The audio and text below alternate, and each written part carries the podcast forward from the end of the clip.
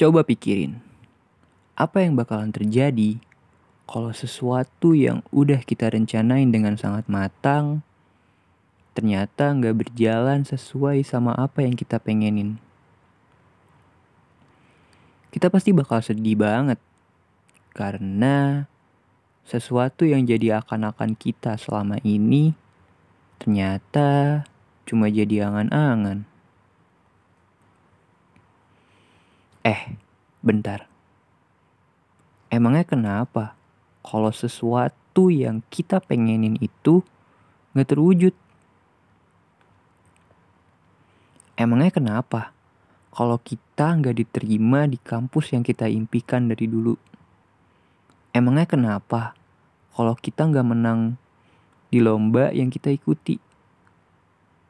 Emangnya kenapa kalau ternyata orang yang kita suka gak punya perasaan yang sama kayak kita. Ya udah, mau gimana lagi? Dunia tetap berjalan seperti biasa dan kita juga harus kembali menjalani hidup kita seperti biasa.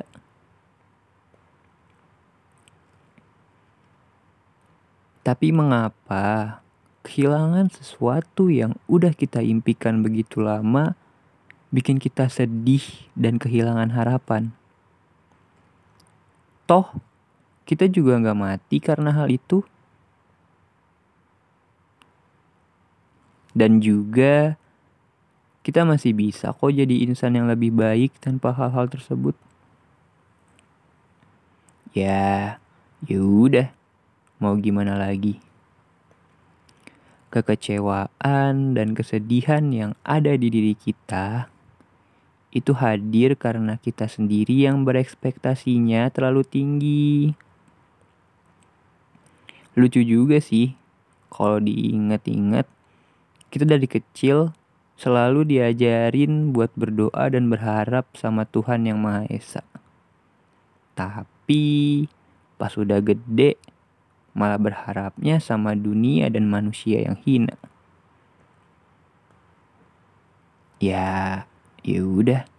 Mau gimana lagi